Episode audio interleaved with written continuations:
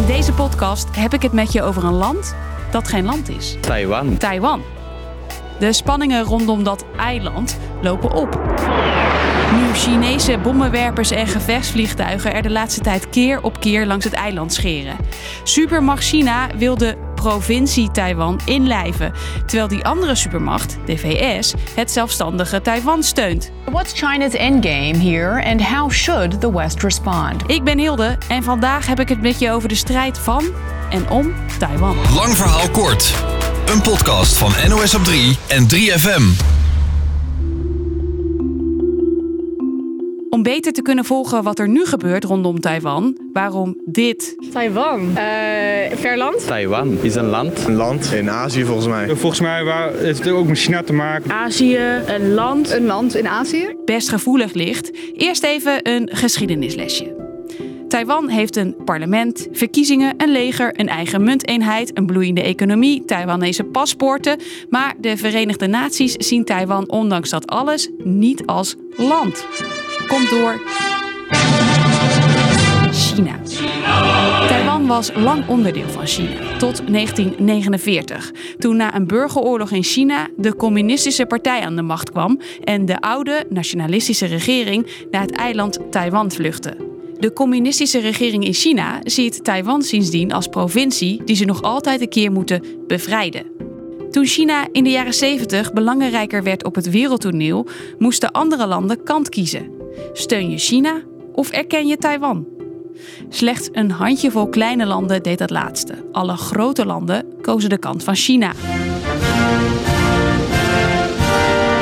Amerika ook. Maar de Amerikanen bleven Taiwan al die tijd wel militair steunen. En dus zitten we nu in de volgende situatie, zegt correspondent Gary van Pinksteren. Taiwan zelf eh, zegt wij zijn een, een onafhankelijke eilandstaat met een democratische regering. Wij beschermen ook de democratie.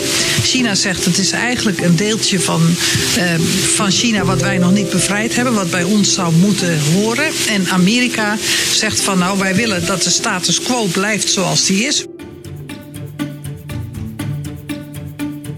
China ziet Taiwan dus als een afvallige provincie. En om te laten zien, jullie kunnen prima eilandjes spelen, maar zodra wij het willen, lijven we jullie in, sturen ze regelmatig straaljagers die kant op. De Chinese gevechtsvliegtuigen vliegen door de luchtverdedigingszone van Taiwan. Een deel van de zee dat Taiwan beschouwt als zijn Air Defense Identification Zone. Taiwan vindt dat Chinese vliegtuigen dat gebied alleen binnen mogen vliegen als ze eerst toestemming hebben gevraagd aan Taiwan. Doen ze dat niet, dan betekent dat actie, zegt deze Taiwan-deskundige. dan wordt Taiwan eigenlijk gedwongen om bijvoorbeeld ook met een straalvliegtuig eh, terug te komen eh, om die vliegtuigen af te wenden.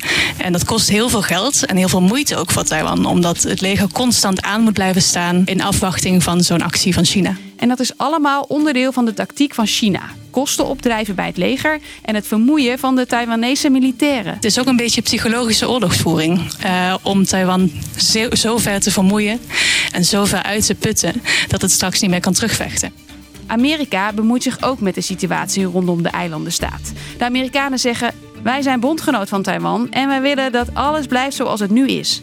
From the United States' perspective, there are certain fundamental obligations, and one of them is no unilateral changes to the status quo. Maar onlangs werd bekend dat Amerikaanse militairen al meer dan een jaar in het geheim in Taiwan bezig zijn het leger voor te bereiden op een Chinese invasie.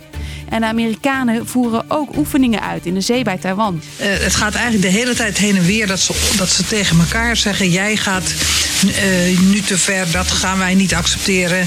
En nee, jullie gaan juist te ver en dat vinden wij een wijziging van de status quo. Hoe gaat dit verder? Blijft het bij straaljagerpesterijen over en weer of wordt het meer dan dat? Experts zeggen: China heeft niet echt iets te winnen bij een oorlog.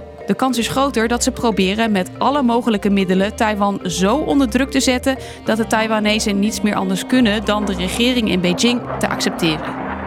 China put het Taiwanese leger in ieder geval flink uit door telkens langs te vliegen met de straaljagers. En daarmee neemt wel het risico op fouten toe, zegt correspondent Sjoerd en Daas. Dus wat gebeurt er op het moment ehm, dat iemand daar in de lucht, een piloot, eh, aan welke kant eh, van, van de straat van Taiwan dan ook een verkeerde beslissing maakt? En daarbij, de tijd begint te dringen. President Xi Jinping heeft zijn volk beloofd dat China in 2049, als de republiek 100 jaar bestaat, herrezen is. Dat betekent een China met Taiwan. Op enig moment, ik denk nog niet dat het vandaag of morgen gaat gebeuren, maar ja, is daar natuurlijk altijd een risico van echt een gewapend conflict. En ja, dat het echt bijten wordt en niet alleen maar bij blaffen zoals nu blijft. Dus, lang verhaal kort. China ziet Taiwan als kind dat weggelopen is en weer naar huis moet komen. In ieder geval voor 2049. En daarom laat China zijn spierballen zien. En dat zorgt voor spanningen. Maar niet alleen tussen Taiwan en China. De VS is namelijk een grote bondgenoot van eiland Taiwan. Dat was hem weer voor vandaag. Vond je dit nou een leuke podcast? Abonneer je dan even. Tot de volgende. 3FM podcast. Drie mannen met zwarte pak legden hem op de grond neer. En ik hoorde, hij is het niet, hij is het niet. Ik is gelijk, jij bent een shark. Sorry voor mijn broertje. Twee levensverhalen over broederschap en de consequenties van de keuzes die je maakt. Mijn zus, ik hoorde haar nog roepen van, uh, wat, heb je gedaan? Wat maakt de ene broer tot een toonbeeld en de ander tot een schrikbeeld van een generatie? In de podcast Sorry voor mijn broertje zoeken we antwoord op die vraag aan de hand van de levensverhalen van Nebil en Naïb. De podcast Sorry voor mijn broertje. Check je via de 3FM app of jouw favoriete podcastplatform.